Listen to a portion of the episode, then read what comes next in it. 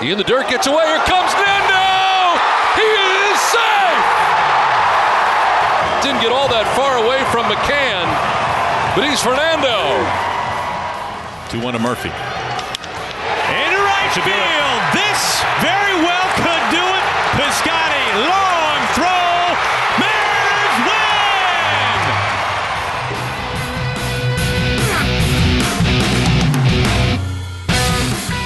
Het is alweer twee weken geleden dat wij hier met z'n allen rond microfoons en eh, bij laptops zaten om eh, de, het Amerikaanse honkbal te bespreken. Zoals we eigenlijk elke week proberen te doen. Maar we zijn er weer. Mike van Dijk, Yes. Sander Grasman Yo, Jasper. en ik ben Jasper Roos. Inderdaad, van harte welkom bij Sport Amerika's Just a Bit Outside. Aflevering 138, zeg ik even uit mijn hoofd. Klopt dat jongens? Ja. Op de outline wel. Ja, op de, volgens de outline 138. Nou, dan gaan we daar maar gewoon vanuit. 138 alweer, de tijd vliegt. hey, er is veel gebeurd de afgelopen paar weken, guys. Maar we hebben ja, een paar dingen eruit gelicht waarvan we denken... hey, dit moeten we echt even bespreken. En nee, we gaan het niet hebben over de City Connect shirts van de White Sox... hoewel ze rete vet zijn en de petten ook. Dus die moeten we even gaan geld sparen, zodat we die kunnen aanschaffen. We gaan het over heel veel andere dingen hebben. Met als eerste, Mike, de eerste editie van Lou Gehrig Day. Lijkt me wel mooi iets om mee te beginnen. Yes. Nee, afgelopen week, ik was eh, woensdag, dacht ik, eh, de, de eerste keer dat de MLB eh, eh, officieel Lou Gehrig Day heeft geïntroduceerd. eh, de MLB. MLB. MLB. Sorry, ja, dan maak ik hem zelf, hè. De MLB, Ja. wow! Eh, waarin MLB eh, eh, de inaugural Lou Gehrig Day, zoals ze zelf op de website hadden gezet, heeft geïntroduceerd. En je zag dat diverse teams er ook wel aandacht aan hebben besteed. Ik zag dat de Cubs speciale shirt- t-shirts hadden geïntroduceerd, ook voor de verkoop, om geld op te halen voor, voor, de, voor onderzoek en dergelijke naar, naar de ziekte en mogelijke medicijnen. Dus nee, dat, het werd op die manier wel belicht. Er niet over zeggen. Nee, Lou Gehrig deed natuurlijk uh, Lou Gehrig eh, ALS gerelateerd voor de mensen die dat niet weten. Lou Ja. Gehrig's disease, dat is de oorspronkelijke tussen aanhalingstekens naam van wat wij nu allemaal als ALS kennen. Eh, in Amerika heeft het heel lang nog gewoon echt Lou Gehrig's disease geheten. En uiteindelijk is iedereen een beetje overgestapt sinds de Ice Bucket Challenge, denk ik, op, eh, op ALS. Ja. Eh, dus ja, alle opbrengsten gaan die, eh, die kant op. Ik denk dat het prima is. Ieder, ieder, eh, eh, iedere manier hoe je daar meer geld voor kan ophalen is denk ik een goede. Maar we wilden hem even noemen om... eh, ja goed, MLB doet wel eens heel veel domme dingen. Maar goed, en op deze manier gaan ze ook proberen om een beetje eh, de goede kant van de medaille te zitten. En dat proberen ze bijvoorbeeld ook, Sander, met de zaak rond Roberto Alomar. Dat probeert MLB ook absoluut wel ehm, wat harder door te pakken in het verleden. Want, dan in het verleden. Want we hadden een paar weken geleden over. Roberto Alomar natuurlijk onder vuur vanwege seksueel wangedrag enzovoort enzovoort. En daar is nu meer bijgekomen. En MLB gaat de boel net even wat steviger aanpakken. Ja, er is eh, nog een. Nou, de vorige, vorige aanklacht weten we eigenlijk niet heel veel meer dan dat er een intern onderzoek is gedaan waarop eh, de MLB besloten heeft om allemaal eh, ja, te verbannen, op de ineligible list te zetten. Eh, en nu is er een vrouw naar voren gestapt die heeft aangegeven dat ook haar een dergelijke ja, vervelende situatie is overkomen met Allemar, waarbij hij, hij, hij zich heel erg opgedrongen heeft aan haar. En het, nou, wat het extra erg maakt is dat het een, eh, om een destijds 18-jarige vrijwilligster bij, de, bij een eh, kinderkamp, jeugdkamp van de Blue Jays was. Zij, eh, zij is Canadees en zij woonde daar in de buurt en eh, wilde heel graag betrokken zijn bij de club en meldde zich aan. En nou, ze vond het heel leuk eh, om daar zo dicht bij de sterren te zijn. Alleen dat eh, draaide dus eh, allemaal op een redelijk traumatische ervaring waarbij hij nou, tegen haar aanreed, haar uitnodigde op zijn suite en nou ja, heel erg duidelijk maakte dat hij, ja, ik weet niet hoe oud hij precies is, maar het is zeven jaar geleden. Dus hij zal in de veertig zijn geweest, eh, twee jaar getrouwd. En eh, dit 18-jarige meisje, nou ja, eh, eigenlijk gewoon lastig viel, aanranden zelfs. Dus nou ja, het, is, het mogen duidelijk zijn dat, dat hij een straf verdient. En ja, MLB heeft heel erg snel opgetreden. Dat is, het kwam naar buiten en meteen was er een straf. Meestal moeten ze even nadenken erover. En eh, in zijn geval hebben ze dus keihard opgetreden. Alomar is 53 inmiddels. Dus dat zou betekenen dat hij toen een jaar of 46, nou, 46 is inderdaad geweest is. En dat, de, de, dame in kwestie, nu 24, was toen acht, net 18, zei ze. Dus het is ja, uitzonderlijk dubieus. Maar goed, we hadden al een vermoeden dat Alomar niet helemaal zuiver was na het vorige verhaal. Dat blijkt dus nu maar weer. Um, sowieso was het alweer een weekje waarin uh, wat, wat uh, coryfeeën uit de MLB-wereld onder, uh, onder vuur lagen. Het, schandaal rond Mickey Callaway is eindelijk afgerond. Mike, jij weet daar meer van? Voor, voor, ja, voorlopig zeg maar. In ieder geval, hij is geschorst tot in ieder geval tot en met 2022. En de, de Angels hebben nu ook eindelijk de knoop doorgehakt dat ze hem de laan uit hebben gestuurd. Dus Mickey Callaway zien we voorlopig niet meer terug in honkbal. En de vraag is, uh, zien we hem niet nooit meer terug in, uh, in honkbal? Uh, want ik geloof dat er ook best wel nog steeds over gesproken wordt om hem gewoon een lifetime ban te geven. Ja, dat zou ook weer passen in het plaatje van MLB. dat is ja, steeds strakker en strenger wil gaan optreden tegen dit soort dingen. En als derde hadden we dan, en dat is ook weer voor jou eentje, Mike.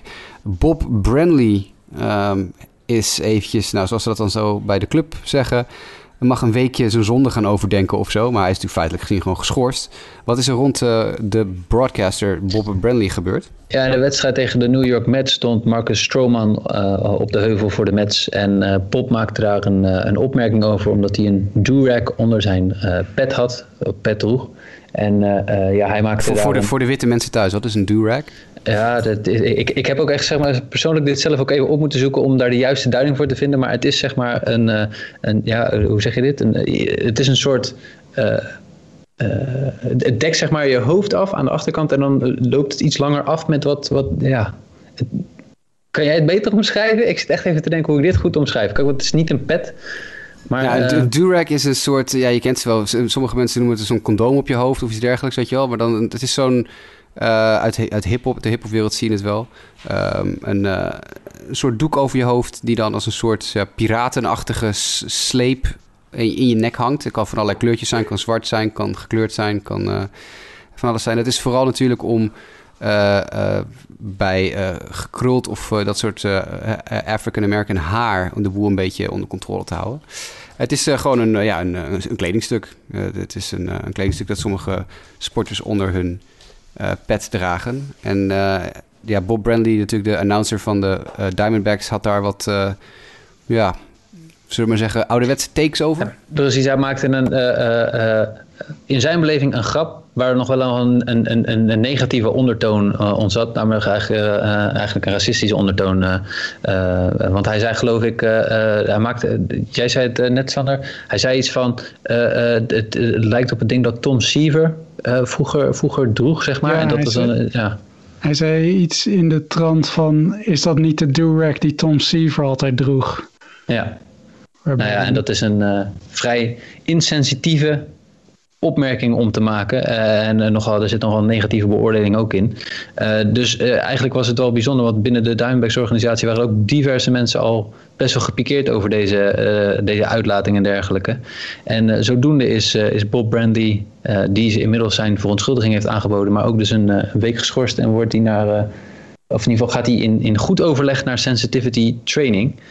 Maar John Duplantier, een van de pitchers van de uh, van de Diamondbacks, die heeft ook een, eh, een interview gegeven via de Zoom call. Waarin hij eigenlijk, ja, vond ik wel op een hele goede manier de situatie adresseerde. En ook aangaf dat dit gewoon nergens op slaat om zo'n opmerking te maken. Dat, um, en, en, en ook, hij zei van ja, ik heb ook nog de, de comments gelezen zeg maar, van sommige mensen. En dan zie je ook gewoon zo'n wijdverspreid interpretatieverschil over wat er gezegd wordt en hoe mensen dat, dat, dat, dat interpreteren. Uh, en beleven. En dat hij zegt, ja, voor mij is het iets heel anders, omdat ik daar hele andere ervaringen mee heb, hoe, hoe, hoe Brandley zoiets zegt en, en wat ik heb meegemaakt. En uh, ja, daar hebben we allemaal als maatschappij zeg maar, echt wel in te groeien om elkaar daarin beter te vinden van wat zegt iemand nou en hoe komt dat nou over op iemand anders. Dus dat, uh, dat vond ik wel, ja, dat, dat wist hij wel mooi, te, mooi aan te geven, mooi te benoemen, ja. vond ik. Twee, twee dingen die we daaraan uh, koppelen nog even. Is natuurlijk uh, uh, de laatste keer dat een announcer dusdanig over de schreef ging, was natuurlijk Tom Brenneman met uh, There's a deep drive into left field and it's a 4 nothing game. Um, dat inmiddels echt bij Castellanos, toch? Bij Castellanos, ja, precies. Okay. Uh, Castellanos zit a deep drive in the left field and that's a home run. Iets in die geest, weet ik wat hij zei. Dat, dat, dat is zo'n zo cultuurmeme geworden nou dat het op t-shirts afgedrukt staat. Ik vermoed niet dat Bob Brandley zijn uitspraken binnenkort op een t-shirt uh, afgedrukt gaan worden. Nee. Um, ook maar, niet omdat ja. er recent, dat gaf je ook nog aan. Uh, naar aanleiding hiervan uh, heeft The Athletic ook nog een stuk naar buiten gebracht. waarin er binnen de Cubs-organisatie ook diverse mensen uh, ervaren hebben dat de opmerkingen van Brandley af en toe. een ondertoon, een, een racistische ondertoon of een discriminerende ondertoon bevatten. waaronder Aramis Ramirez heeft zich volgens mij heeft dat Klopt, aangegeven ja, en, en Starling Castro.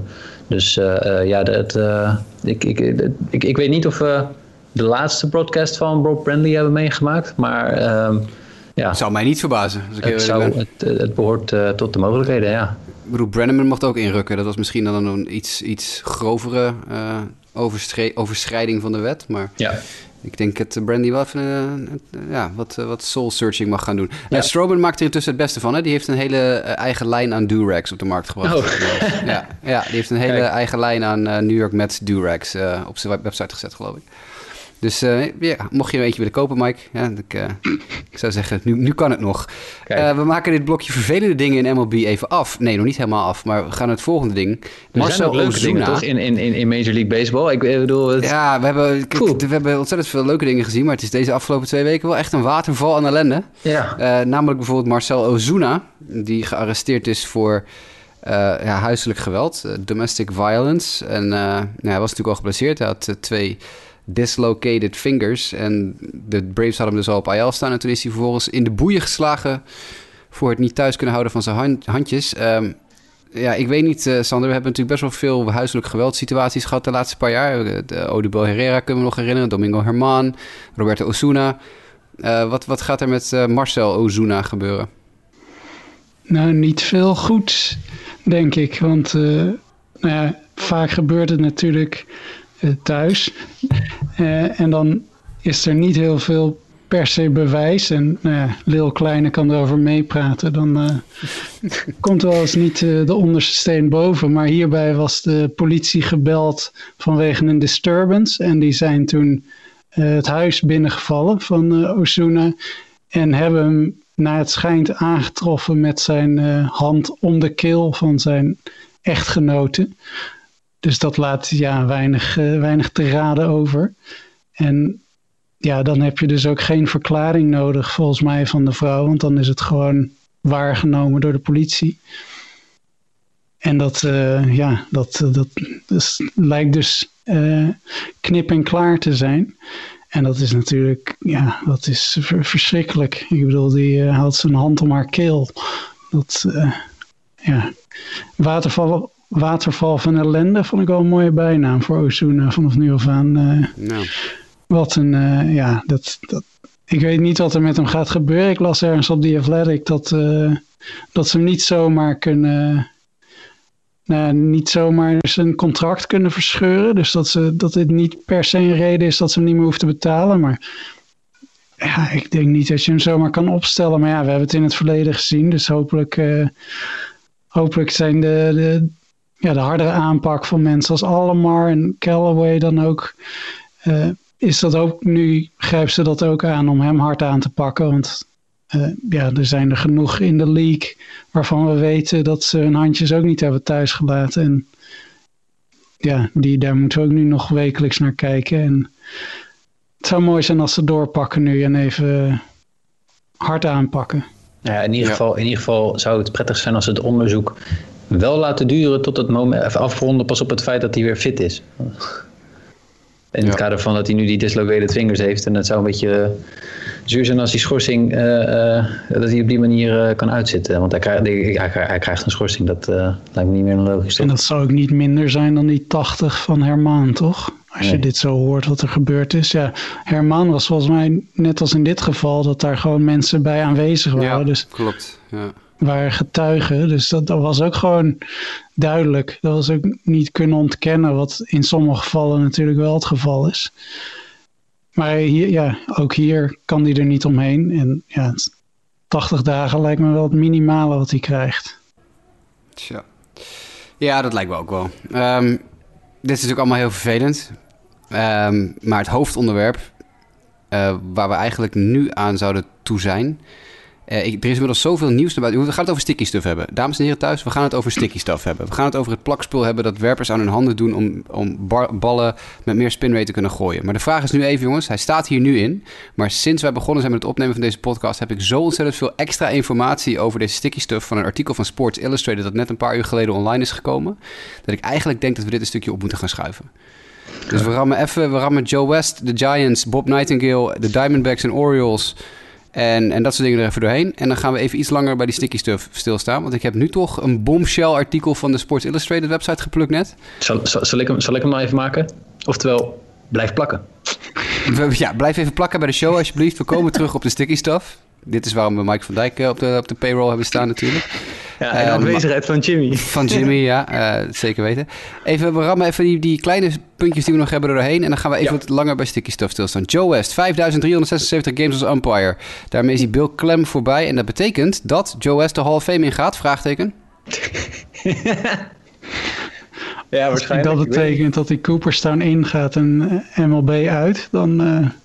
Uh, ja, dat hij, dat hij Cooperstown ingaat door, door een uh, entreekaartje te kopen. Dat kan natuurlijk ook. Maar nee, uh, Joe, Joe West gaat de Hall of Fame in, toch? Ik bedoel, hoe je het ook bent of keert. Het is een draak van de umpire al 15 jaar, 20 jaar. Maar ja, als je de meeste wedstrijden aller tijden hebt, dan ben je ze, automatisch... Ze deden er, ja. Maar ze deden er ook best veel aan aan die wedstrijd, zeg maar. Hij mocht kiezen wie het volkslied deed. Ja, en, en bij, welke, bij welke club was het prompt ook nog? Was het de Mets? Nee, was het de White Sox. Oh, de White Sox, oké, ja. Maar goed, dat, uh, dat even terzijde. Ja, het, het, het, grappige vond ik, er kwamen dan ook nog highlights voorbij van Joe West. De beste man heeft best wat grappige dingen gedaan als scheidsrechter, zie je dan. Hè? Als iemand te lang duurde voordat hij in het slagperk stond, deelde hij gewoon al een slagbal uit. Weet je? Dan denk ik van, nou, dat zien we tegenwoordig nooit meer. Hij heeft ooit een keer, uh, dat, een, een, speler vertelde dat, was dat David Fries? Volgens mij was het David Fries. Die als rookie aan slag kwam toen Joe West de thuisplaat had. Uh, voor de eerste keer. En hij ging staan aan slag. En nou, ja, er gebeurt verder niks. En Joe West kijkt hem nog eens aan. En de pitcher gaat bijna zijn wind-up in. En Joe West called time-out. En die draait zich om naar David Fries in het slagwerk en zegt... Hey, waar ik, vandaan, waar ik vandaan kom, groeten we elkaar als we elkaar voor het eerst ontmoeten. Ik ben Joe, welkom. Nou ja, dat maak je natuurlijk wel een beetje over jezelf. Maar het is wel, uh, het is wel grappig. Ja. Ik kon er wel om lachen. Ja, precies. En het is heel inspirerend voor anderen met een visuele beperking... wat je niet kan bereiken. de dag dat Joe West uh, met Pearl op zijn op mouw rond gaat lopen vanwege de sponsoring of zo, uh, of Specsavers, dan moeten we even, uh, ja, kort, even een feestje geven. Kort, kort ander dingetje. Het is, ik, je hebt altijd die, die dingen die dan zeggen oh, vandaag vijf jaar geleden, of vandaag twintig jaar geleden, of vandaag tien jaar geleden in MLB. Ik heb 110 week... jaar geleden werd Joe West geboren? Oh, nee. nee. nee, nee, maar het, het, filmpje kwam voor mij heel vaak voorbij en ik heb er iedere keer gefascineerd naar zitten kijken van Tom Hanlon die dan zeggen we tegen Terry Collins het keer gingen over Asses die... in de jackpot? Ja, ja. ja, en ik heb ja, afgelopen week echt terug zitten kijken, maar ook echt meerdere keren. Omdat ik gewoon zo gefascineerd was hoe dit eigenlijk allemaal is gegaan en hoe intens het is. ja, en wie, wie weet wat my ass is in de jackpot betekent? Niemand, niemand weet wat het überhaupt betekent. Nee. Maar goed, dat, uh, dat, dat even terzijde. Uh, de San Francisco Giants gaan als eerste MLB-team Pride kleuren op het veld dragen. Two thumbs up hier vandaan in Pride Week ook natuurlijk. Of Pride Month, sorry. Is het uh, een heel goed initiatief eindelijk. Ik las dat er één team was ergens in de MLB nog... die geloof ik nog niet zoveel had gedaan met uh, dit onderwerp. Willen jullie raden? Uh, wil ik raden? Nou, meestal zijn de cups aan de verkeerde kant van de medaille... maar dat zal in dit geval wel niet zo zijn. Uh, dan moet ik even heel goed nadenken. Wat is een team waar echt alleen maar trash mensen werken? De Seattle Mariners. Nee, nee, nee, nee, nee. nee, die oh, nee dat is ja, Seattle. Dat is natuurlijk heel progressief allemaal. Hè? Ik moet dus nou heel even, even, even, even uh, oh ja, nee, de, de, de, meeste teams hebben zeg maar wel iets van een Pride Game of iets dergelijks gedaan. Maar dat is geloof ik één team die dat niet hebben gedaan. Willen jullie nog, alle, uh, Sander, hebben jullie nog een gokje wagen? Ja. Het ligt redelijk voor de hand, denk ik wel. Ja, als het voor de hand ligt, dan... Team in Texas? Ja. Rangers? Rangers, Ast ja. Astros, ja, Rangers? Nee, ja, Rangers. Ja, ja. ja. ja, dat ligt inderdaad redelijk voor de hand. Nou, nog een reden om een takkenhekel aan de Texas Rangers te hebben. Er blijft niet veel meer over op deze manier. Bob Nightingale rapporteert, en dan betekent het meestal dat het niet gaat gebeuren. Maar hij meldt dat er de regel van maximaal 13 pitchers op het roster vanaf volgend seizoen weer wordt ingevoerd. Dan mogen teams dus maximaal 30 werpers op het roster dragen. De reden daarvoor is wat, Mike? Uh, ik geloof dat er dit jaar meer mochten erbij komen vanwege de COVID-regels. Uh, dus ze hadden zeg maar dat toegestaan dat er extra pitchers uh, bij mochten komen. Ja. maar wat je dus ziet is dat er veel meer pitchers gebruikt worden, wat ook weer effect heeft zeg maar, op de statistieken. En het idee is, als we weer teruggaan naar het oorspronkelijke aantal, dan is er minder ruimte en moet je dus veel meer je pitchers gebruiken, waardoor de snelheid van de pitches ietsje zou af moeten nemen. Omdat je iets ja. zuiniger moet omgaan of iets vermoeider bent. En dat zou dan weer een goed effect moeten hebben op meer hits en een more exciting game. Ja, nou, het, begint allemaal bij de sticky stuff. Komen we zo meteen op. De Arizona Diamondbacks en Baltimore Orioles gingen combined 10 en 47 in de maand mei. Uh, snorri, wat? 10 en 47. 5 en 24 voor Mike's D-backs. 5 en 23 voor de Orioles. 13 game losing streak voor Arizona. 14 game losing streak voor Baltimore. Mike, uh, gaat het nog? Het is, uh, het is, niet, het is, niet, het is, niet, het is niet makkelijk, zeg maar. Laat ik het zo zeggen. Het leven is niet makkelijk op deze manier. Ik moet zeggen, ik heb wel eens in een seizoen meer honkbal gekeken dan dit moment. En uh, bij de Diamondbacks is het gewoon uh, pittig om het iedere dag te kunnen aanschouwen. Ik zou er niet aan beginnen als ik jou was. De Boston Braves, dat zijn natuurlijk de voorlopers zo'n beetje van, van Sanders. En Red Sox die hadden het vorige record voor de slechtste meimaand ooit. Of het huidige record nog steeds. 4 en 20 in 1935. 20 verliespartijen, vier keer gewonnen. Maar ook niet Sander, had, Sander maakte mij wel blij afgelopen week. Sander, want wat, wij zijn bezig met de tanken, geloof ik, voor... Elijah Green in de, de draft van volgend jaar. Dat schijnt een... Uh, maar ja, vorig jaar waren ze aan het tanken voor Kuma Rocker. En op dit moment gaat hij ook al op, op 6 in de, ja. En wie zijn daar aan het keuze? Uh, dat weet ik niet uit mijn hoofd. Ik uh, heb het er gelijk uh, even bij zijn het, zijn het de D-backs? Het zijn de D-backs. Het zijn kijk. de D-backs. Nou, hier, kijk. De gloordhoop. Gewoon nog even 120 wedstrijden doorbijten. Ja. Wat is, wat is de, de voorspelling van MLB.com? Hadden die ook inderdaad uh, Kumar naar de Diamondbacks gestuurd? Ja, D-backs, Kumar Rocker. Ja. Het is nog een maand tot de draft. Dan, ja, ja, ja, ja. Marcelo Meyer is op dit moment de nummer 1 ingeschatte high school korte stop. Daar zijn over het algemeen niet zulke heel goede uh, resultaten mee geboekt in het verleden. Maar goed, Josh Donaldson, natuurlijk Josh Donaldson. Een van de grootste horken op twee benen die in MLB rondloopt... heeft de 2 miljoenste run gescoord in MLB-geschiedenis. Nou, we zwaaien met z'n allen naar Josh Donaldson... die voor mij altijd bekend zal staan voor het feit dat hij een home run slaat... en direct uit de wedstrijd wordt gegooid door de scheidsrechter wegens uh, wangedrag. Dus dat, uh, dat zal voor mij altijd Josh Donaldson zijn. En natuurlijk zijn rolletje in Vikings... De televisieserie op Netflix. Voor de mensen die dat niet wisten, Josh Donaldson heeft een guest appearance in Vikings. Aha. Want, niet, wist je niet? Nou, nee, ik, nee, eh, ja, ik, ik kijk het grappige, was, het, okay, het grappige was, ik wist dat dus, want het is een paar jaar geleden gebeurd. Ik ben het ook gewoon straal vergeten, want dat soort shit ga je gewoon niet onthouden. Maar ik heb dus met de vrouw een tijdje geleden Vikings zitten kijken, alle seizoenen. De, ja, je kent het wel, coronatijd, je gedonderd te doen, dus dan ga je maar Netflixen. En zij wilde graag Vikings kijken, snap ik wel. Heel veel uh, uh, gespierde, uh, knappe Scandinavische kerels. Nou, ik, ik vind het ook prima. En George Donaldson. ja, maar die zitten, dus, die dus ergens in seizoen drie of vier. Heb je in één keer George Donaldson. En ik herkende de persoon. Maar hij zit natuurlijk in vikingkleding en met een helm op en weet ik het allemaal. Dus ik zeg tegen Lindsay, ik zeg, hè? Ik ken die gast. Maar ik, ik weet niet wie het is, maar ik, ik ken die gast. Wie is dat? Dus ik, hè, IMDb op mijn telefoon, aflevering, episode, cast. Ah ja, natuurlijk. Dit is dus George Donaldson. Dus ik wist dat hij erin zou zitten, maar ik was het vergeten. En het was dus toch een verrassing voor me toen ik hem zag. Hij heeft een rolletje van 30 seconden of zo. Dus, uh, Gemiste ja. kans van de serie Caveman om uh, Charlie Blackman eh, te... Ja, inderdaad. Ik bedoel, ja. het, het, is een mogelijkheden genoeg. Amish Paradise uh, kan ook nog wat, uh, wat mee doen. Maar goed, George Donaldson is de 2 miljoenste run in MLB-historie. En Vikings is de eerste drie seizoenen zijn de moeite waard. En de rest zou ik niet aan beginnen op het moment dat de hoofdrolspelers eh, uit de serie geschreven worden, moet je hem uitzetten. Je, je zegt um, het eigenlijk op een manier dat op het moment dat Josh Donaldson in spel kwam, is het daarna Nou, daar kwam het wel een klein beetje op neer. Ik geloof dat het nog één seizoen daarna redelijk was en toen was het einde, einde verhaal. Ja. Toen zijn we okay. ook gestopt op een gegeven moment. Het, uh, een beetje zinloze tijdinvulling. Alright. Uh, Orioles en de Astros hebben hun minor leaguers een huis aangeboden. Dat hebben de Blue Jays volgens mij ook al gedaan. Dus dan hebben we nu drie teams die hun minor leaguers nu een woning aanbieden. Niet allemaal overigens. Een enkele nee, alleen de, ja, ja, ja double precies, A of zo. Ja, ja double hoger toch? Of, ja, zoiets. Of double A en lager juist. Maar de, de een, ik, ik, weet dat er... Uh, het is een positieve ontwikkeling. Ja, vind ik ook. Ja, goede zaak. Nick Castellanos heeft een 19-game hitting streak. Dat is de langste van het seizoen. Jaime Candelario van de Tigers heeft een 29-game on-base streak. Wat volgens mij ook de langste van het seizoen is. Uh, Castellanos voert ook de majors aan in batting average, geloof ik, hè? As there's a drive to deep left field. And it's a 4-nothing ball game. Uh, I don't know if I'll be putting on this headset ever again. dat zei hij ook nog volgens mij. Maar goed, dat terzijde. Uh, dit waren de korte nieuwtjes. Jongens, we gaan sticky stuff doen. Het is, uh, het is sticky stuff. Let's go. Sander, wat is de situatie rond sticky stuff? Kan je even een paar zinnen uiteen doen waarom wij het over sticky stuff gaan hebben en wat het is? Nou, er beginnen steeds meer uh, mensen zich erover uit te spreken. Het was een dirty little secret, noemde volgens mij Mike Schilt het deze week. Want ja, zijn pitcher Giovanni Gallegos hij kwam het veld in. Het was Joe West, toch? Die, ja, het was, het, was, was Joe West, ja. Die, uh, die zag, uh, een ump zag in ieder geval dat, uh, dat er een vlek op zijn pet zat. En ja, die gebood hem van pet te wisselen.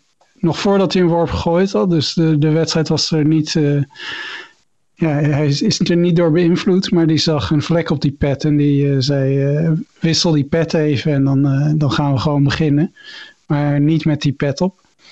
En Mike Schild is door zijn plaat gegaan, want die vond het, ja, die, die vond het, vond het bizar dat zijn, zijn speler die daar het veld op gaat, dat die, die zijn pet af moet doen, terwijl er allemaal mensen, uh, allemaal spin rates van, van die, die door het dak gaan halen. Uh, met, met allemaal dingen in, in, op armen, in nekken, in, in, in handschoenen, op petten, die gewoon helpen. Dus hij, eh, hij ging door het lint en je ziet ook steeds meer uh, slagmensen die zich uitspreken. Volgens mij was het Adam Duval die zei van nou ik pakte laatst een, een foulball op om terug te gooien en die, die bleef gewoon ongeveer aan mijn hand plakken. En uh, zo zijn er allemaal slagmensen spreken zich er ook over uit. Bauer heeft zich er natuurlijk in het verleden al over uitgelaten. Volgens Wat mij heel ironisch is, want Bauer is waarschijnlijk de grootste cheater van allemaal, maar dat is een ander punt. Ja, en daar, uh, daar hebben we in ieder geval Ken Rosenthal. Maar ik weet niet of hij dat ook samen heeft gedaan met een ander. Die heeft daarover geschreven in The Athletic. En daar heeft Bauer dan weer het nodig over gezegd. Die uh, noemde het volgens mij een soort van clickbait. Of daar in ieder geval iets soortgelijks. Maar ja, bij Bauer zie je het gewoon aan zijn cijfers. We hebben net uh, voor, de, voor de opnames het even doorgenomen. Nou, dat is echt de, de, de groeispurt van zijn spin rate, dat, dat is gewoon niet anders te verklaren dan, dan dat hij iets uh, is gaan gebruiken. Nou, dat is interessant. Dan haken we daar gelijk even op in. Voor de mensen die thuis zitten en denken, waar hebben jullie het nu over? Over uh, welke cijfers heb je vergeleken? Er is een of andere maloot geweest op internet. En we weten allemaal, als je een beetje fan bent van honkbal... ben je meestal niet helemaal lekker in je bovenkamer. We zijn allemaal net even iets de statistieken gedreven. En die heeft van hoeveel werpers? Teruggegaan tot 2015. 662 werpers. Heeft hij de spin rates opgeschreven in een groot Excel-sheet... van 2015 tot en met 2021. En hij heeft dan het minimum en het maximumjaar en de minimum uh, uh, spin en de maximum spin en het percentage totale toename in die periode. In die jaren dat hij gooide. Uh, bovenaan Trevor Bauer. 27% toename in spin rate. En de grootste sprong komt dan van 2019 naar 2020. Hij won natuurlijk vorig jaar de Cy Young Award. En die springt bijna 5. Ja, de, de, 5 dat zegt helemaal niks als ik er niet bij. 5 punten. Het is een puntensysteem uh, wat hij eraan gehangen heeft. En het is echt een absurde stijging. Als je kijkt naar wat de rest is allemaal, ja, plus 2, plus 3, plus 4. Uh, even kijken, wie staan er nog meer in de top? Nou ja, wat onbekendere jongens als Birch Smith, Drew Verhagen en Andrew Kittredge are de nummers 2, 3 en 4. Maar bijvoorbeeld op 5 en 6 Clayton Kershaw en Madison Bumgarner. Uh, op 9 Trevor Williams. Uh, Garrett Cole staat hier ook ergens, dacht ik. Oh, hij staat op 13. Uh, en die gooide natuurlijk van de week de eerste start uh, nadat MLB gezegd had dat ze er heel streng op gaan worden. En zijn spin rates kelderden in die start. Dus dan heeft hij er ook iets over te zeggen. En het gaat even om de four-seam fastball, hè? Het gaat om de four-seam fastball, ja. Dus hij heeft drie pitches onder in beeld inderdaad in dat Excel sheet. Dit gaat puur even over de snelheid, over de four-seam fastball, de RPM's van de four-seamer. Uh, en dus ja, dit 662 werpers en er staan ontzettend veel bekende namen tussen natuurlijk. De jongen in kwestie heeft wel aangegeven, er zijn spelers waar uh, de toename in spinrate eventueel misschien aan iets anders toegewezen kan worden. Dus daar moet je voorzichtig mee zijn. Jongens die inderdaad bekend staan als dat ze helemaal een gooibeweging hebben omgegooid. Die dan inderdaad een sprong ziet maken. Uh, in, volgens mij is dat, even kijken, Brandon Woodruff was er daar eentje van, geloof ik. Uh, Kendall Graveman is ook iemand die heel erg fluctueert in spin rates. Maar dat komt doordat Kendall Graveman iedere keer geblesseerd is. En dan weer op een andere manier moet gaan gooien om zijn blessures onder controle te krijgen. Dus je ziet bij hem fluctueert het heel erg omlaag, omhoog, omlaag, omhoog. Het is echt een golfbeweging bij Kendall Graveman. Dat is natuurlijk niet dat hij het ene seizoen wel sticky stuff gebruikt en het andere seizoen niet. Uh, dus dat heeft ook te maken met het veranderen van de gooibeweging. Voor Lucas Giolito, die staat ook op het lijstje, kan je hetzelfde zeggen. Die precies op het moment dat hij zijn hele gooibeweging radicaal omgooide... en van slechtste pitcher een van de betere pitchers in de Major League werd... zie je ook een stijging in zijn RPM's. Maar ook dat is eventueel toe te wijzen op een veranderende gooibeweging. Maar bij jongens als uh, Bauer bijvoorbeeld, uh, er is niks anders aan zijn gooibeweging, al vijf jaar niet. Uh, dus dat is wel wat duur. Dus dat is, dat is waar we het over hebben als we het hebben over die cijfertjes. Ja, en nog even aanvullend op, volgens mij denk ik, je kan de grip iets wijzigen, wat ook nog een effect zou kunnen hebben. Ja. op de, en een van de factoren die mij nog te binnen schiet, maar ik weet niet of dat waar is, is we zien natuurlijk ook veel wijzigingen aan de bal. En in welke mate, we hebben dit weer een nieuw type bal met ander type naden, heeft dat ook nog weer een effect op dit verhaal. Maar dat... Nou, dat is interessant, want nu komen we bij het verhaal wat ik eerder zei. Uh, toen ik even teasde dat er net een paar uur geleden een enorm artikel op Sports Illustrated is verschenen. Van de, uit de pen of uit de computers van Stephanie Epstein en Alex Pruitt. Uh, het artikel heet This Should Be the Biggest Scandal in Sports. Nou is dat natuurlijk misschien weer een beetje clickbait, maar het artikel zit wel heel erg goed in elkaar. En ik zal iedereen van harte adviseren om dat zo meteen op te gaan zoeken. Het is vijf uur geleden of zo vanaf deze opname geplaatst. Uh, waarin eventjes uit de doeken gedaan wordt wat er eigenlijk aan de hand is. En dat er managers, American League manager, het zijn allemaal, allemaal anonieme mensen, maar een American League manager zegt: je kan de bal horen als ze hem gooien. Uh, er is een, een pitcher die recent met pensioen is gegaan. Zegt: het, de bal die door de lucht gegooid wordt, klinkt alsof je een pleister van de, van huid aftrekt. Zo snijdt hij door de lucht omdat er zoveel plakspul aan zit. Um, een Major League Team uh, executive heeft al gezegd dat zijn spelers... dat is een beetje in hetzelfde lijn als wat Sander net zei over Adam Duval. Spelers hebben gezegd dat ze een foul hebben opgepakt... waar het MLB-logo vanaf gescheurd was. Omdat het zo ontzettend plakkerig was allemaal. Um, pitchers die gaan de training room in voor de wedstrijd... met uh, uh, tongue depressors... Van die, van die tongstokjes, weet je wel. Waar ze hun sticky stuff overal op hun lijf proberen te, te, plakken. Of op hun pet, of op hun riem, of op hun, op hun broek, of waar dan ook. En aan het eind van de rit, of hun vingers ook. En aan het eind van de rit pakken ze dan alcohol en dan halen ze het er vanaf. Eén National League reliever die zegt zelf dat hij Pelican Grip Dip gebruikt. Dat is een pine tar rosin blend dat door slagmensen gebruikt wordt om hun knuppels sticky te maken, zodat ze niet wegvliegen. Die zegt dat hij bij airport security van een vlucht van een thuiswedstrijd naar een uitwedstrijd...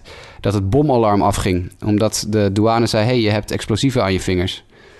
Uh, en dat is na het douchen en na met alcohol zijn vingers uh, schoonmaken en zo. Ik moet zeggen, um, toen je net begon over blends, dacht ik van het klinkt als een soort wijnproeverij. Welke soort ja. uh, sticky stuff wil jij? nou, er is, er is één, uh, die, diezelfde NL, NL reliever die dus uh, Pelican gebruikt. Die zegt dat hij in het recente geschiedenis bij een team heeft gespeeld die een een chemist, dus een scheikundige, van een andere club heeft weggehuurd, weggejat. En zijn enige taak was sticky stuff ontwikkelen. Dus er zijn gewoon chemici worden ingehuurd om sticky stuff te maken voor die clubs. In de minor leagues lopen clubhouse attendants met dozen vol met Tyrus Sticky Grip. Dat is hetzelfde als Pelican. Dat spul dat aan knuppels gesmeerd wordt uh, door slagmensen. En uh, dat is voor pitchers, is niet voor slagmensen.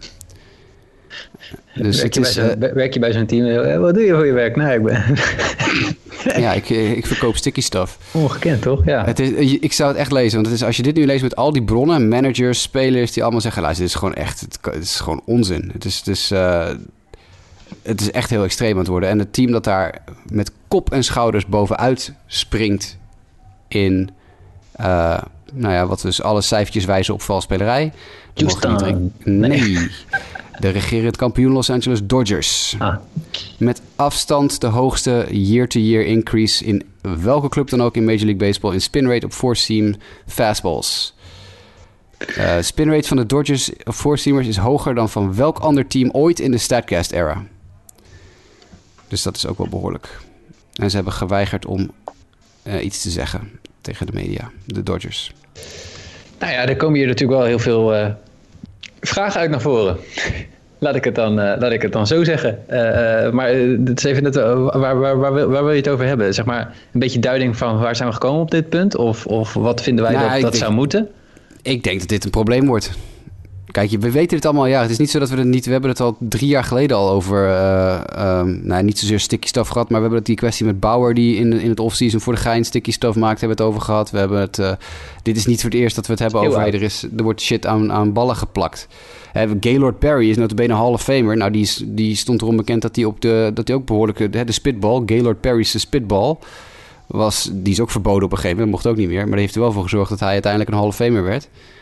Um, maar dit soort spul, het wordt nu zo extreem. Uh, en, en deze werpers, bijvoorbeeld de NL Reliever zegt ook... Ja, we, we lijmen de bal bijna aan onze hand. Want we krijgen zoveel meer controle over de... We kunnen eigenlijk gewoon de hele tijd 100% voluit gooien. Omdat we zoveel controle over de bal hebben... dat we kunnen ook gewoon... We hoeven nooit in te houden. En het, het effect is zeg maar, uh, uh, de, gewoon ook een beetje duiding nog. Hè? Dus het effect van een uh, sticky stuff op een bal is niet alleen voor een fastball dat je harder kan gooien, zeg maar. Nee. Hè? Maar je krijgt ook met, met, met off-speed pitches meer draai en onverwachtere draai op bepaalde momenten. ja, maar ook als hoe harder je een slider gooit, hoe harder ja. die breekt. Dus ja. als jij het gevoel hebt dat je een slider op 100% van je kracht kan gooien, dan breekt die automatisch ook harder. Dus het is natuurlijk zo, hè, movement zorgt ervoor dat, dat uh, hè, de sticky stuff zal ongetwijfeld de bal een beetje... Hè, de luchtweerstand rondom de bal wat aantasten. Ja. Maar het gaat vooral om dat ze dus gewoon... Ze kunnen iedere bal die ze hebben op volle kracht gooien... zonder dat ze bang hoeven te zijn dat hij ergens anders heen vliegt. Ja. Dat is een beetje het probleem. Ja, en natuurlijk, dat kan je ook natuurlijk doen door uh, druk op je vingers en dat soort dingen meer. Dat is hoe, hoe men het vroeger deed. Hè? Als je een two-seamer gooit en je hebt iets meer druk op je wijsvinger ja, dan gaat hij waarschijnlijk toesimeren naar de rechterkant voor, rechter, voor rechtshandig werpers. Als je iets meer op je middelvinger drukt, gaat hij naar de linkerkant toesimeren. Dus dat soort dingen kon je, je kon het altijd wel een beetje manipuleren. Ja. Maar dit is, dit is heel, ja, heel extreem. Gevolg voor en, de hitters is het is moeilijker om de bal te raken. Ja, uh, en maar wat Charlie Blackman zegt bijvoorbeeld. Ja, Charlie Blackman zegt. Mensen zeggen de hele tijd: ja, uh, er zijn meer strikeouts in de league omdat spelers alleen maar home runs willen slaan. Hij zegt, het is helemaal niet zo. Het is niet zo dat we alleen maar home runs willen slaan en daarom dus constant drie, uh, drie slag krijgen. Nee, er staat een gast op een heuvel tegenover ons, zegt hij hier in dit artikel, die, zoals hij dat zegt, 97 mile an hour super sinkers lopen te gooien. Of uh, ballen die gewoon recht omhoog komen. Echt een riser van heb ik jou daar. Hè, waar we het over gehad hebben in het verleden ook. Het, het heet niet officieel een riser. Het heet een, hoe heet het ook alweer, Mike? Ja, Rising Fastball? Rising, ja, Rising Fastball. Nou, het, heeft, een andere naam, maar niet uit. Dat is de reden dat wij strikeouts krijgen. Het is heel moeilijk om geen strikeout te krijgen, want die ballen gaan alle kanten op. 97 mijl per uur supersinkers heeft hij het over. Dus ja, het is... Uh, ik denk dat het te ver gegaan is. Als je natuurlijk als je chemici gaat inhuren om speciaal spul te gaan ontwikkelen om uh, de bal te kunnen dokteren, zoals dat dan heet dan gaat het te ver. Kijk, dat je een beetje, waar we het vorige week over hadden in de show, de, de, een beetje rosin en een beetje uh, zonnebrandcrème. Dat is, dat is denk ik tot daar aan toe. En daar kan je toch niks aan doen. Ik bedoel, spelers mogen zonnebrandcrème opdoen en spelers mogen rosin gebruiken. Dus ja, als je het dan op je arm mixt, weet je, dat is tot daar aan toe. Maar als je natuurlijk voor de wedstrijd eventjes een kamertje ingaat... om op 16 verschillende plekken op je lijf of in je handschoen... Uh, James Karinchak bij de Indians werd van de week echt voor de lul gezet natuurlijk. Die stond gewoon overduidelijk uit zijn handschoen... stond die sticky stuff op zijn vingers te smeren en aan de bal te smeren. Ja, ja, ja wat, wat, wat, bijna, ga je gang. Ja, dat leek bijna wel het uitdagen van uh, Major League Baseball. Van, want hij had, volgens mij, je zag ook gewoon een zwarte vlek in zijn rode handschoen zitten. En nou ja, dat, het was zo overduidelijk dat je bijna een soort uh, onaantastbaarheid uitstraalde. Van uh, jullie kunnen we toch niks maken, leek het wel. Van, ja, het was zo overduidelijk. Je zou denken, het doet stiekem, maar... Nou ja, goed. En het, eh, kijk, je kan, je kan het heel makkelijk stiekem doen. Wat in het verleden wel gebeurde. Hè? Gel, haargel. Dat werpen ze dan een beetje gel in hun haar. Iedere keer als je een hand door je haar haalt, zit er wat plakkerig spul aan je vingers. Ja. En dat geeft je wel iets meer grip. Maar dat, dat is niet zo extreem als wat je nu ziet. Een beetje hetzelfde als... Uh, uh, nou ja, wat ik net zei. De, de, de rosin en de, de zonnebrandcrème. Maar er is natuurlijk ook dat verhaal over die Angels uh, clubhouse attendant, die Angels clubby, die in een lawsuit gezegd heeft, uh, ja, Garrett Cole, Max Scherzer en Justin Verlander, die gebruiken echt de meest extreme sticky stuff die je maar kan verzinnen. Ja, nou ja, en het is, uh, kijk, nog, we hebben ook nog de, de, plekken bij de catchers. Hè. De catcher kan ook nog wat uh, op de bal smeren voordat hij hem teruggooit naar, de, ja. naar de pitcher. En Sander, jij noemde net het moment van uh, maar het was ook nog met Gallegos, toch? Afgelopen. Hey, had, uh, had het duidelijk aan de binnenkant van zijn handschoen zitten. Ja, en, en bij rode, rode handschoen, zwarte, zwarte vlek in zijn handschoen, rode handschoen. Je kon het, je kon het echt... Oh ja, het is alsof... De, weet je, dat... Oké, James Grinchek is is een, een, dom, een dom mens. Dat weten we. De, de dingen die hij op social media... Je weet, het is niet een heel jongen die heel erg diep timmert. Maar denkt hij nou serieus dat hij in een tijdperk van 4K-televisies hiermee wegkomt? Nee, maar de, ja, ik, nu kun je daar zeggen, er, zit, er zitten hier gewoon heel veel kanten aan. Uh, de vraag is zeg maar, wat is, wat is... Kijk, ik ben persoonlijk hier voor een fair game. Dus aan beide kanten, aan alle kanten zou het gewoon moeten zijn: we hebben een bal, we hebben een werper, we hebben een slagman. Er zit geen kurk in een knuppel, er zit geen spul op een bal. Er wordt gewoon gespeeld, zeg maar. Dat, dat is waar ik het meest gelukkig van zijn. En er zit ook niemand in het outfield om aan te geven of er een curve aan zit te komen, ja of nee. Of ergens in een videocameraatje. Gewoon een puur spel. Dat, dat is wat ik het meeste hoop als fan om naar te kijken. Ik weet niet hoe dat voor jullie is. Ehm, maar de, ja, eigenlijk zijn die, die, die, het sticky stuff, als je de boeken leest en dergelijke, wordt het, zoals je aangeeft, eigenlijk al heel lang gebruikt. Wat ik wel denk is, we hebben toen op een gegeven moment, voor mij, tweede, toen wij begonnen ook met de podcast, de eerste twee jaar of zo, was op een gegeven moment die, die nieuwe bal, waardoor in één keer alle ballen wegvlogen. En het zou mij niet verbazen dat je zeg maar, op een gegeven moment krijg je zeg maar, een tegenbeweging vanuit die pitchers van ja, wat kunnen we hier aan doen? Of hoe kunnen we beter omgaan met deze trend en deze ontwikkeling? Toen kreeg je de beschuldigingen eigenlijk aan het adres van de Astros van hey, iedereen die naar Houston gaat, check de spin rates. En eigenlijk zie je nu in één keer wijd verspreid dat het massaal soort van gebruikt wordt en niemand er het erover wil hebben. Ja. Ehm, en nu heb je eigenlijk, dat is het grappige, je hebt heel veel data bewijs om in ieder geval risicogestuurd door MLB te gaan kijken van hey, wie verwachten we dat het dat heeft? En laten we eens kijken naar die ballen of iets dergelijks. Of naar die petjes of naar die handschoenen. Om op die manier uh, gewoon een beeld te krijgen bij wat is de situatie en wordt dit daadwerkelijk veel gebruikt. Um, en ja, ik, tenminste, ik ben benieuwd gewoon hoe MLB hiermee omgaat. Wat, wat willen zij? Want ja, ik bedoel, ik kan me heel goed voorstellen als pitcher, als je alleen maar home runs om je oren krijgt, omdat er met een bal uh, gedokterd wordt, om maar even zo te zeggen. Um, um, dan ga je toch kijken naar hoe jij soort van dat effect weer kan terugpakken. En nu slaat het dan weer de andere kant op. Waarbij ik terug ga naar de essentie. Het zou zo moeten zijn dat we gewoon een bal hebben. gewoon een werper. Zonder verder middelen. Want het is, het is gewoon ook niet goed voor de, um, voor de moraal van de sport. Kijk nou wat er, wat, er, wat er gebeurt. Eigenlijk is dit. Ik bedoel, hoe moet je dit anders zien dan wielrennen en doping? Uh, uh, de materiële doping, zeg maar, op, op die manier dan zeg maar. Het is weer een het is zo wijd verspreid nu dat het gebruikt wordt, zoals je, zoals je aangeeft. En de indruk die wij denk ik hebben, want ik, de wedstrijd Venezuela-Colombia van het OKT afgelopen woensdag, waar ook iemand uh, betrapt wordt. Uh, ja, ze gaan nu in één keer vanuit die umpires de komende twee weken geloof ik extra erop letten. En jij zei, je appte volgens mij ook nog dat ze mogelijk mensen willen gaan schorsen die gepakt worden. Jasper, klopt dat? Ja, dat is het idee. Ja, volgens mij hebben ze aan het begin van het seizoen, voor het seizoen, volgens mij in maart is er een memo gegaan naar alle teams. Dat, ze, dat MLB het in de gaten houdt. En volgens mij hebben ze daar ook zelfs in aangegeven dat ze statistieken zoals spin rate en zo bij gaan houden. Om te kijken of ze daar opvallende ja. afwijkingen zien. En dat daar volgens mij ook dus uh, ja, stappen op ondernomen zouden kunnen worden. Dus als die, die cijfers zoals die er nu voor liggen, als, als MLB dezelfde bevindingen heeft als die, uh, die, uh, internet, uh, die dat op internet geplaatst heeft, ja, dan, dan kan dat natuurlijk wel. Dat dat, men is gewaarschuwd en blijkbaar...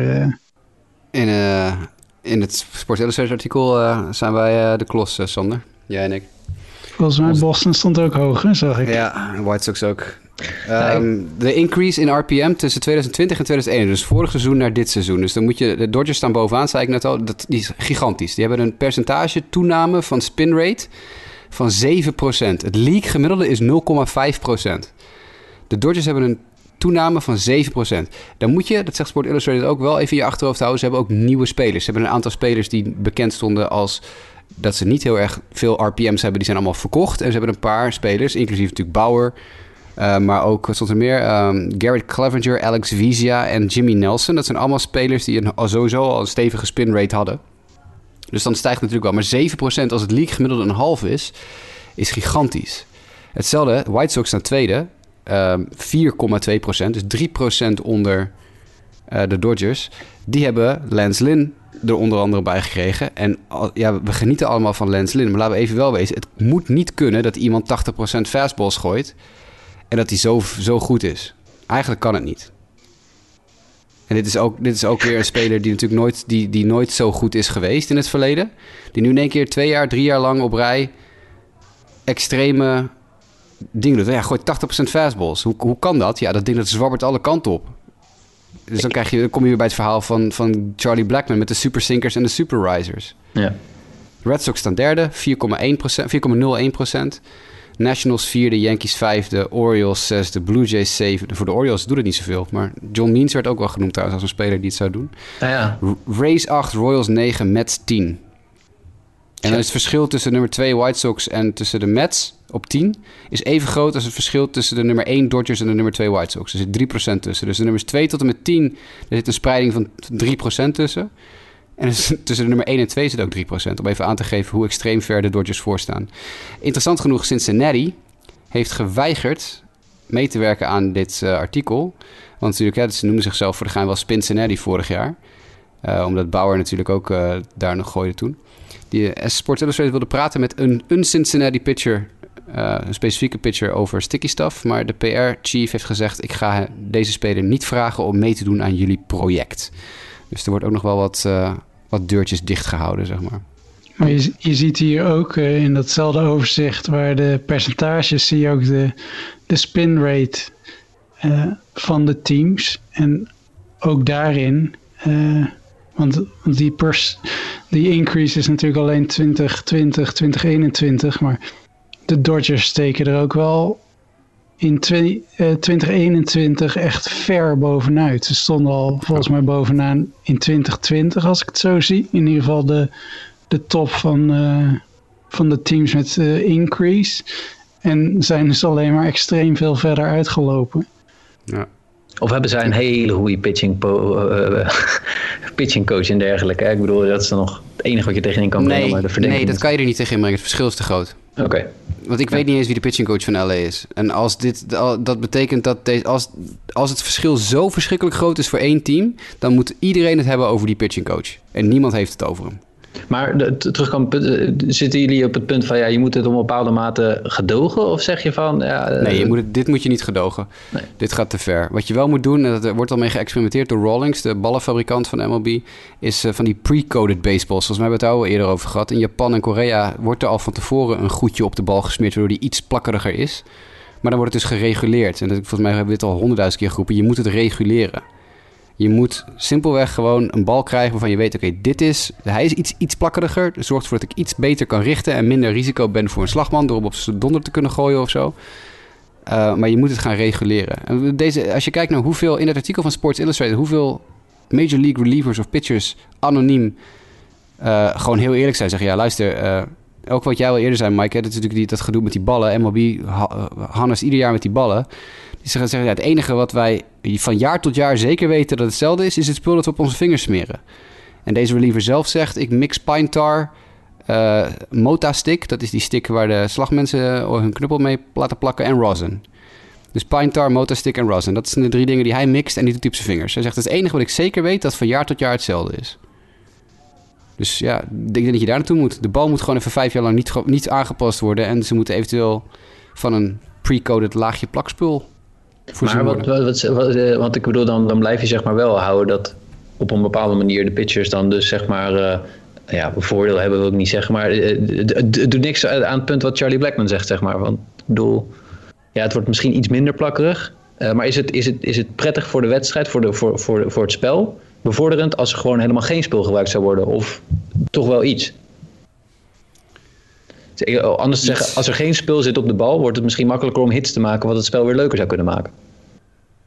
Ja, Nou ja, dat is, eh, moet MLB er maar over eh, gaan nadenken. Ja, nee, precies. Het, Ik weet het, het is natuurlijk het is weer een knee-jerk reaction van MLB ook. Oké, we gaan er nu in één keer uit het niets, bam, keihard bovenop zitten. En er zijn alweer vier, in de afgelopen week vier minor leaguers teamwedstrijden geschorst voor het gebruik van sticky stuff. Dus eh, ze beginnen zoals altijd weer met flink de minor leagues te betrappen.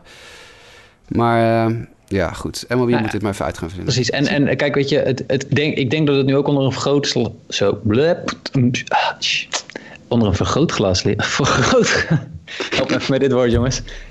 Eh, ik denk dat het extra de aandacht krijgt vanwege de vele no-hitters. Ehm, Ja, ik denk ook dat het wel de... Ja, dat er... Dat de, er de keldering in offense. Ja, en maar ook dat er denk ik mensen openlijk over gesproken hebben. Dat er, dat er onvrede is bij, eh, bij mensen. En, en het valt me toch ook wel op, want ik weet niet wanneer Bauer hier al over begon. Maar dat is volgens mij alweer een hele tijd geleden. En dat MLB eigenlijk niet altijd achter de feiten aanloopt. Dat ze eigenlijk het heel lang aankijken en dan moddert het maar aan. En dan, ja, we weten het eigenlijk niet echt. We gaan een beetje kijken hoe het nu zit. We gaan nu de statistieken bijhouden. Nou, je zou toch ook de statistieken van vorige jaren kunnen kijken. En ja, niet daar straffen mee uitdelen, maar misschien wel mensen in het vizier hebben. Of, Ja. Our answers to Ja. the jackpot at this point. Ik bedoel... ja, dat daar komt het wel op neer. Ja, is ik had, nog, ik had nog wel eentje, eentje hè, eh, na het gedoe met de Houston Astros krijg je nu ook weer dit. Het is niet goed voor de sport. En eh, Nee. als je dan zeker kijkt naar de World Series van 2017, waarbij de Dodgers dan soort van, de, oh, wat waren wij, eh, eh, gepakt door de, de vals spelende de Houston Astros. Ik weet niet of destijds Los Angeles al bezig was, maar Weet je, dit is. Hmm. misschien is honkbal daar wel wat meer uit, uitgelezen een sport voor, omdat er natuurlijk wat. De teams mixen ook veel meer. Er zijn ontzettend veel trades, ontzettend veel free agency, veel meer dan in voetbal of American voetbal. Eh, spelers zijn natuurlijk veel dichter bij elkaar, tegenstanders. eh, want ja, in American voetbal ben je elkaar in elkaar aan het rammen een uur lang of twee uur lang of drie uur lang. En dan ga je weer gelijk weg. En het is allemaal super secret, weet je wel. We willen ons team, wat wij doen, dus het moet allemaal geheim blijven. Eh, MLB-spelers praten misschien wat dat betreft wel meer met elkaar. Het is ook gewoon een kwestie op een gegeven moment van iedereen weet dat, er gewoon, dat iedereen vals speelt. Dat Ja. Eric Kratz een paar weken geleden zegt, wij wisten ook al dat de Rockies ook op de bank sloegen om te vertellen welke pitch er aankwam. Net als de Astros op een vuilnisbak ramden. ja. Ja, het is hetzelfde verhaal. Iedereen weet, van, iedereen weet dat er overal gecheat wordt. Dus iedereen denkt, nou ja, laat ik dan mijn mond maar houden. En dan ga ik wel meedoen. Eh, zodat, we, dat- zodat ik ook mijn geld kan verdienen. Weet je wel? Ja. Dat is... Maar goed. En ergens ga je ook mee met de tijd. Hè? Ik bedoel, kijk naar de, de NFL en eh, die, die, ja, die handschoentjes. Ja, Ja, eh, een one-handed catch is niet zo spectaculair als dat hij daadwerkelijk eruit ziet. Omdat als je, eh, wat ik eh, wel eens heb gezien, die handschoentjes die zorgen er wel voor dat een bal ook redelijk blijft plakken. enorm. Ja. Dus Anyways, goed. Dat, dat tot zover even al deze, deze pessimisme over de, de honkbalsport.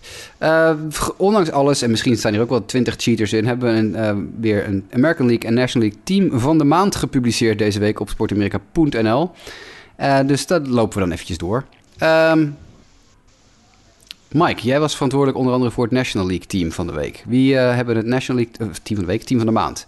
team van de maand. Wie heeft het team van de maand gehaald? Eh, de catcher was van de Los Angeles Dodgers. Ja, geen Will pitcher Smith. gelukkig.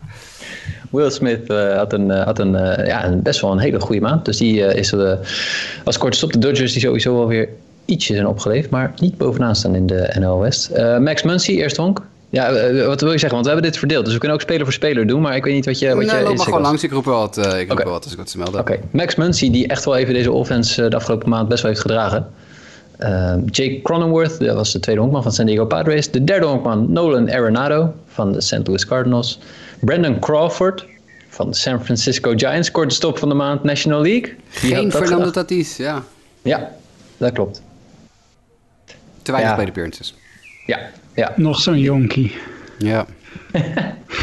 ja Fernando was het eh, veel geblesseerd. Eh, dan hebben we in het linksveld eh, Jesse Winker van de Cincinnati Reds. In Tweede het maand op rij, hè, eh, Winker. Ja, jij wil hem naar de All-Star Game hebben, dat is wel duidelijk. Ja, 100% tuurlijk. Deze gast is echt eh, ontketend. Ja, ja, ja. Nee, dus, eh, en Brian Reynolds van de Pittsburgh Pirates. Ja, gewoon de Pittsburgh Pirates, jongens. Uh, centerfielder van de maand. En Nick Castellanos van de Cincinnati Reds. Die stond in het rechtsveld. Doe jij dan de rotatie? Dat is goed. Kevin Gausman met afstand de beste pitcher in de National League. Hij werd een dag later, nadat wij dit artikel publiceerden, ook uitgeroepen tot National League Pitcher van de Maand door MLB. Fantastisch seizoen. Ongetwijfeld ook stevig aan de sticky stuff. Maar hij stond niet in het lijstje volgens mij van, uh, in die, in die Excel-sheet. Maar, of ik heb hem niet gezien, dat kan natuurlijk ook. Uh, Zach Wheeler van de Phillies hadden wij als starting pitcher nummer 2. Uh, Max Scherzer, de oude rot. Ook alweer 36, plek 3. Brandon Woodruff, fantastische maand van de Milwaukee Brewers op plek 4. Wade Miley, alleen maar omdat hij een no-hitter heeft gegooid. Want ja, als je een no-hitter gooit, dan haal je eigenlijk al de top 5 automatisch. Uh, Trevor Rogers en Julio Urias waren ook waanzinnig. Uh, Rogers werd uh, Rookie of the Month. Dat is het tweede, de tweede maand op rij dat hij Rookie of the Month is. zeg ik even uit mijn hoofd. Um, maar hij haalde dus bij ons net niet. Rogers, Urias, Darvish, Peralta en Eflin waren onze net ernaast. Observaties, Sander, jij hebt deze niet gemaakt, dus jij kan hier misschien iets kritisch op loslaten. Ja, ik ben, ben benieuwd of de goede start van, van Brian Reynolds en zijn uh, ja, organisatie waar hij nu voor uitkomt.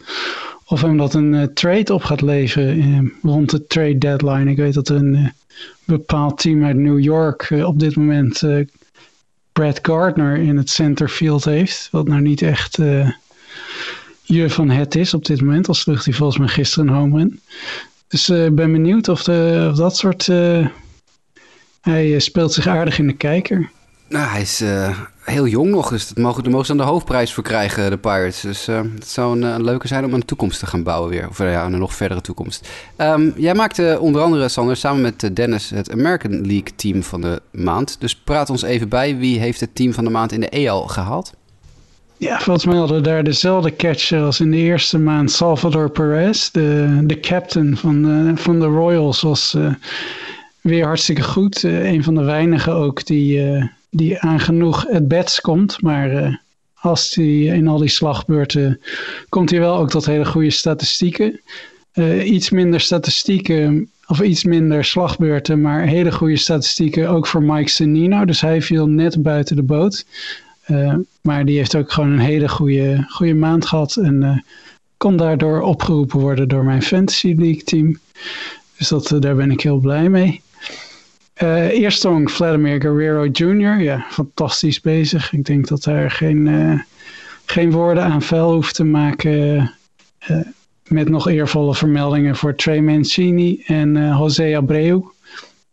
De MVP van vorig jaar had ook gewoon weer een uitstekend jaar. En Trey Mancini is natuurlijk het feel-good story van dit seizoen. Dus ook mooi ja. dat hij het zo goed blijft doen. Tweede honk, ja, dat was echt van die statistieken, ik, ik kijk al die samenvattingen, probeer ik vaak mee te pakken. En toen zag viel me ineens op dat Samian al in de dubbele cijfers zat qua home Nou, die heeft echt een bizar goede mei gehad met 8 home runs, 12 doubles en 1 triple, 21 extra base hits. En nou, José Altuve had ook gewoon een goede maand, dus eervolle vermelding voor hem. Maar hij stond niet op de fotofinish bij deze, bij deze uitverkiezing. Sammy een fantastische maand.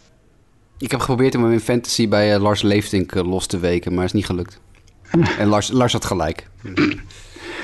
Ja, ja, die zou ik ook op dit moment even niet loslaten. Al vraag ik me af in hoeverre hij het het hele seizoen volhoudt. Maar uh, op drie hebben we gekozen voor Moncada. Uh, vooral vanwege een geweldig on-base percentage. Hij komt bijna in, in de helft van zijn slagbeurten op de honken. Rafael Devers had ook gewoon een heel goed, goede maand. Maar ja, we moeten ook wel een beetje afwisselen. En Moncada heeft gewoon... ik weet niet precies hoeveel vaak hij dan vier wijd heeft gehad... om zo'n geweldig on-base percentage te hebben. Maar ook een heel goed average, gewoon Moncada en, uh, en 14 RBI's. Dus verder is het ook echt geen kattenpis. Maar ja, dat on-base percentage wilden we toch even eruit lichten. kort stop, Xander Bogaerts, ook voor de tweede keer op rij. Hij eindigde de maand in mineur eigenlijk. hij ging, gisteren heeft hij pas een, zijn streak van 0 uit 24 weer doorbroken. Maar begin van de maand was gewoon heel goed. En zelfs nu nog, na die slechte periode, leidt hij bijna alle, alle categorieën, offensieve categorieën voor korte stops. Dus die doet het fantastisch en krabbelt vast ook weer uit deze slechte streak. Linksveld Robbie Grossman, Detroit Tigers. 4 home runs, 17 RBI's, 4 gestolen honken, 870 OPS. Ja, gewoon een uh, goede maand. En uh, nou, misschien ook wel een trade kandidaat, want de Detroit Tigers zijn niet om aan te gluren. Centers... Mochten, mochten mensen zich afvragen waarom jullie Austin Meadows hebben gepasseerd in het linksveld, dat is wel belangrijk, want die was beter dan Grosser. Maar het argument is, uh, is, lijkt me heel sluitend, namelijk? Uh, dat hij vaak als DH werd ingezet. Ja, dat, ik denk dat het belangrijk is om te melden. Want Meadows is ook echt on fire op dit moment. Ja, ik had hem ook in mijn schaduwlijstje stond hij bovenaan, maar wij doen het in ja, overleg natuurlijk. Terecht, ja. Dus ja, die Grossman hij had ook gewoon een goede maand. Centerfield Adolis Garcia, de, de Cubaan van de Rangers. Ja, de, die komt bijna in de buurt van Samians uh, maand. 11 home runs, 981 OPS, average van 312. Hij krijgt veel te veel strikeouts. En ook nog vijf gestolen honken trouwens, dus dat is ook hartstikke goed. En uh, volgens mij is het ook een, uh, het is een record voor rookies om in één maand elf homens te slaan. Ja, dat voor, voor de Rangers. Voor de Rangers. Oh, voor de Rangers. Een, ja, ja, niet, uh, niet een, niet een MLB-record, maar wel een clubrecord. Zo, dat, het is een geweldig aantal. Ja, hij heeft enorm veel power. Ik heb hem er eentje uit zien slaan op een gegeven moment. ja, het is veel swings en misses volgens mij, maar als hij hem raakt, dan raakt hij hem goed. En dat geldt eigenlijk ook voor de right fielder Teoscar Hernandez van uh, nog een Blue Jay. Die hebben duidelijk een, uh, een goede maand gehad. En ja, die had uh, concurrentie van Carl Tucker en Aaron Judge, maar kreeg met zijn zes homens en vier gestolen honken de voorkeur. En de designated hitter was Jordan Alvarez met ja, ook een 317 average, een 846 OPS, 4 homens, 12 RBI's. En uh, ja, een van de, de mannen onder het, voorlopige succes van de Astros, denk ik, dit seizoen. Uh, rotatie, zal ik hem uh, door... ja, pak hem maar gelijk door. Ja, jij bent onze ja, EL, In de buitencategorie Rich Hill, pitcher van de maand, maar komt blijkbaar ik heb het ontdekt waar het aan lag. Die heeft net één inning te weinig gegooid om een uh, qualified pitcher te zijn in het hele seizoen. Uh, en daarom uh, viel hij buiten de statistieken. Dus als je het artikel leest, Rich Hill ontbreekt. Maar hij was. ja, hij natuurlijk in de, in de maand mei kwalificeert hij wel. Want hij heeft genoeg maandinnings ja. gegooid. Maar voor de statistieken, als je hem voor het hele jaar pakt, komt hij nog één inning tekort. Ja, als ja, je op MLB precies. kijkt, dan valt hij er net buiten. Terwijl hij heeft volgens mij op alleen Glass nou na de meeste wedstrijden gepitcht, maar... Uh, MLB, Terwijl als je dus bij, bij Fangraphs dan aanklikt de laatste 30 dagen. Dus als je het op 1 juni of 2 juni doet, dan kan je de laatste 30 dagen aanvinken. Ja. En dan pakken ze ook de kwalificerende pitchers voor de maand mee. Yes. Maar ja, dus hij, uh, hij ontbreekt in het artikel, maar uh, hierbij kunnen we nog wel even noemen. Uh, dan Lance Lynn, geweldig nou ja, misschien met enige hulp, maar zijn 1.64 uh, era en 0.94 uh, whip en 30 strikeouts om 13 4 wijd in 33 innings en 5 overwinningen en 0 nederlagen. Ja, ik denk dat uh, met zijn, hij blijft gewoon keihard fastballs erin pompen. maar ja, misschien doet hij dat wel met sticky stuff, ik weet het niet, maar geweldige maand en hij heeft de Baltimore Orioles aardig, uh, aardig onder de duim gehouden in ieder geval. Daar heeft uh, John Boy een mooi filmpje van. Tweede pitcher is van diezelfde Orioles, John Means. Uh, gooide natuurlijk de no-hitter. begin van de maand. Era van 2,43, 0,75 whip. 30 strikeouts om drie keer vier wijd. geweldige maand. Derde pitcher Chris Bassett van de Oakland Athletics. Voor mij de grootste verrassing. Ik had hem niet zo op mijn radar staan, maar met een 2,52 eh, era, 38 keer strikeout en 4 keer maar 4 wijd en 0,73 whip. Geweldige, geweldige maand en uh, hij voerde zelfs de American League aan in fielding independent pitching en whip.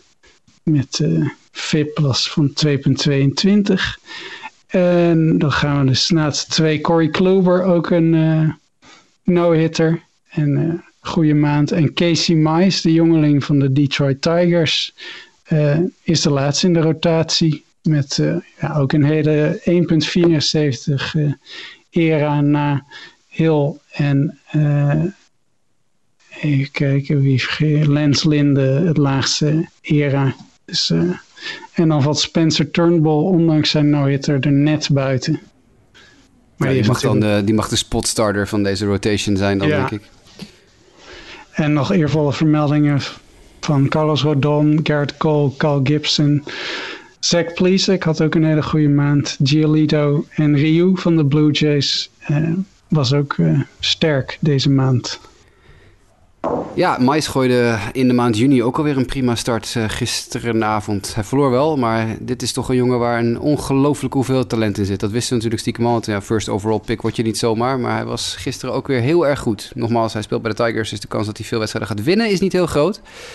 Maar als je toch de White Sox op vier runs kan houden, dan doe je het niet verkeerd. Hij gooide echt uh, heel sterk. Dat is een, uh, leuk om te zien dat Rogers in de NL en Mais in de AL toch een beetje als rookies rookie pitchers toch zich staande houden in dit, uh, in dit geweld wat we, wat we om ons heen zien. Ja, ik zag hem tegen de Royals gooien en die werden echt wanhopig. Alleen, ja. volgens mij stonden ze 1-0 voor toen hij eraf ging, de Tigers, en dan gaven ze het nog weg. En zo blijf je maar met twee overwinningen. Maar als hij op de heuvel staat, houdt hij ze in de wedstrijd. dat is toch knap, want vorig jaar was hij echt... Natuurlijk, vorig jaar was hij zijn debuutseizoen en het was een raar seizoen. Dus heb ik hem een paar keer zien gooien. Dat was gewoon echt... Uh, nou ja, je zag wel dat er wat talent in die arm zat, maar het ging alle kanten op. En hij heeft in zo'n korte tijd heeft hij dat allemaal gecentreerd en wat beter onder controle gekregen. Het is echt... Uh, hij doet me heel erg denken aan de Justin Verlander uh, ontwikkeling. Verlander natuurlijk ook uh, zijn eerste paar jaar in de American League echt bagger was. Dat zou je niet zeggen, maar hij was echt slecht. Ik heb nog zelden, zelden een werper zo vaak kapot gebeukt zien worden door één team als Verlander door de White Sox in de eerste twee, twee seizoenen of zo. En vanaf seizoen drie was het einde verhaal.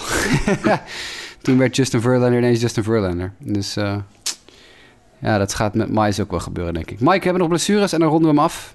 Uh, ja, laten we er even snel doorheen gaan. Uh, wat hebben we spelers die lange tijd gaan missen? We hebben Corey Kluber van de New York Yankees. Die heeft een subscapular strain van de rotator cuff. Ik kan je niet uitleggen waar het zit. Maar hij gaat je schouder. Ja, de en doorgaans zijn schouders geen goede blessures, weten we. Uh, nee, uit schouders uh, zijn tricky, ja. Dus dat is wel uh, jammer voor de man die het redelijk leek terug te hebben gevonden uh, recent. Miles Michaelis heeft een voorarmklachten. Ja, en die hadden we al toch vorige week? Ja, maar daar is nog steeds, dat is nog steeds niet helemaal duidelijk hoe of wat. Hij heeft een, een stamcelinjectie gehad volgens mij. Het is even afwachten. Oh ja, de Bartolo Colon treatment. Leuk. Ah, okay. ja, ja, ja, ja, Nou, over, ja, wat is het? Nee, dat was wel vorige keer. Laat maar, we gaan door. Noah Syndergaard, die was op de weg terug. Maar daar is in een bump in de road gekomen. Hij heeft last van een elbow inflammation. Van wat elbow inflammation. Dus die is weer eventjes uh, op in de rustfase gezet, om maar zo te zeggen, om uh, weer te herstellen.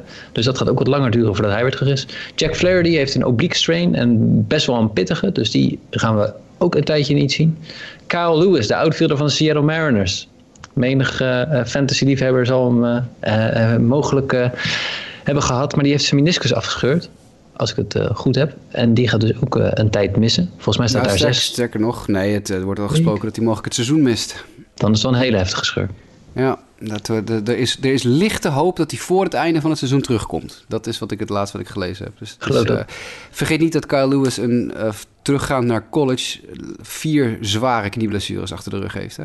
In college één of twee, in de minors één of twee en nu dit weer. dus zijn knieën zijn heel gammel. Nou, dat is een uh, aardig bruggetje naar de volgende twee spelers. Uh, Steven Strasburg heeft een neck nerve irritation. Strasburg natuurlijk ook veelvuldig geblesseerd geweest. Dus die gaan we ook weer even een paar starts denk ik niet zien. Of in ieder geval één start uh, gaat hij niet, niet halen. En ja, we hadden hem hier opstaan. Hij is inmiddels weer hersteld. Maar goed, het is ook een beetje komen en gaan met blessures op dit moment. Met Fernando Tatis Jr. Die had last van zijn obliek. Maar die heeft afgelopen nacht alweer gespeeld. Een home run geslagen. Dus is weer de oude. We moeten ooit eens een artikel wijden aan of Tatis Jr. wel korte stop kan blijven. Want die jongen kan echt niet fielden. het is echt heel slecht. Dit is, dit is echt... Ik weet niet wat er met hem gebeurd. Het was nooit een supergoeie fielder, maar hij kon altijd wel eh, gewoon goed mee. Maar dit, het ziet er niet uit. Maar die jongen kan zo waanzinnig goed slaan. Ja, nou, en hij speelt echt vol geloof en energie ook, hè? Ja, maar ja, goed, als je de bal vol geloof en energie laat vallen iedere keer, dan, uh, dan schiet je niet zoveel meer op. Hij liet van de week echt weer... Het was een ideale dubbelplay. Die bal werd naar Kim op tweede honk geslagen. En het was een perfecte feed van Kim. En Tatis kruidt gewoon zijn handschoen te vroeg dicht. Stuit gewoon van zijn handschoen af. Weg dubbelplay. En dat is niet de eerste keer. Het, hij, hoeveel errors heeft hij dit seizoen nu al? 15 of zo? Oh, uh, he's leading the league. Ja, hij had, iets van, had, iets, had iets van 9 of zo in de eerste drie weken of zo, toch al? Ja, hij had er volgens mij 7 al na had, het, had hij het openingsweekend niet al vijf bijna of zo? Het is zoiets, ja. Echt, dat was toen hij net terug was van die blessure, weet je wel. Dat was ook nog een verhaal dat we dachten van... nou ja, misschien gooit hij wat minder goed. Dan gooit hij daar de bal vaak weg. ik heb het hier staan. 14. 14? Nou, ik zei 15, oké. Volgens mij was het uh, 14. Is het 14? Errors committed 15. 15. Ja, hier. Nou, meer dan Javi Baez. Letterlijk niet opgezocht, hè. Ik, het was echt een wilde gok. Maar dat, het verbaast me niks. Het is echt... Uh, man, het is niet om aan te zien, man.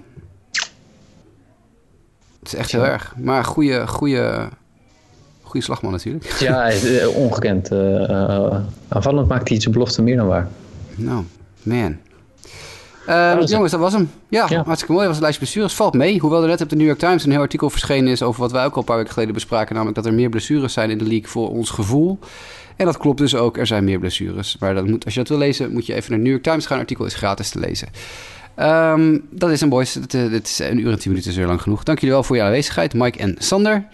Uh, wij proberen weer volgende week er te zijn. Het zijn drukke tijden. We zijn allemaal heel druk aan het werk. Dus af en toe dan hebben we een moment dat we een datum prikken. En dat komt er weer net niet uit. En dan verplaatsen we weer een paar dagen. Maar we blijven in jullie podcastfeed komen, uh, vroeg of laat. Heb je nou vragen? We hadden een vraag over Joe West gekregen. Die hebben we al min of meer in het stukje over Joe West gerold.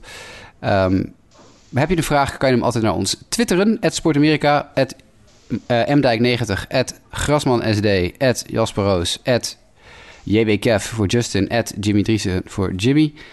Uh, kan je altijd een vraag naar ons twitteren. Je kan hem ook mailen eventueel, maar ik heb al heel lang die mailbox niet gekeken, dus twitter maar gewoon naar ons. Uh, maar als je wil mailen, justabitpodcast.gmail.com. Of weet je wat, doe maar anders nog naar jasper.sportamerika.nl of info.sportamerika.nl, want die bestaan ook. En die komen wel op mijn telefoon binnen, dus misschien zie ik hem dan nog eens een keer. Um, en verder heb ik eigenlijk niks. Uh, luister ons op Spotify, Apple Podcasts of waar je ook maar naar shows wil luisteren. En als je nou via iTunes luistert en een iTunes account hebt, zou je dan een 5 sterren review achter willen laten in de Google, wat is het, de, de, de Apple Podcasts dingen. Apple Store. Nou ja, de Apple, Apple Store. Store. Uh, weet ik veel hoe dat ding heet. iTunes. De iTunes, ja. 5 sterren review, graag. Dankjewel, alsjeblieft. Uh, much appreciated iedereen. Voor nu hartstikke bedankt voor het luisteren en graag tot volgende week. Bellinger hits one way there. Goodbye! Grand slam! Game busted wide open! This is where Yasmani's got to be thinking about trying to hit the ball out of the ballpark. The right field. We have a new constellation in the night sky. 3-1 Sox.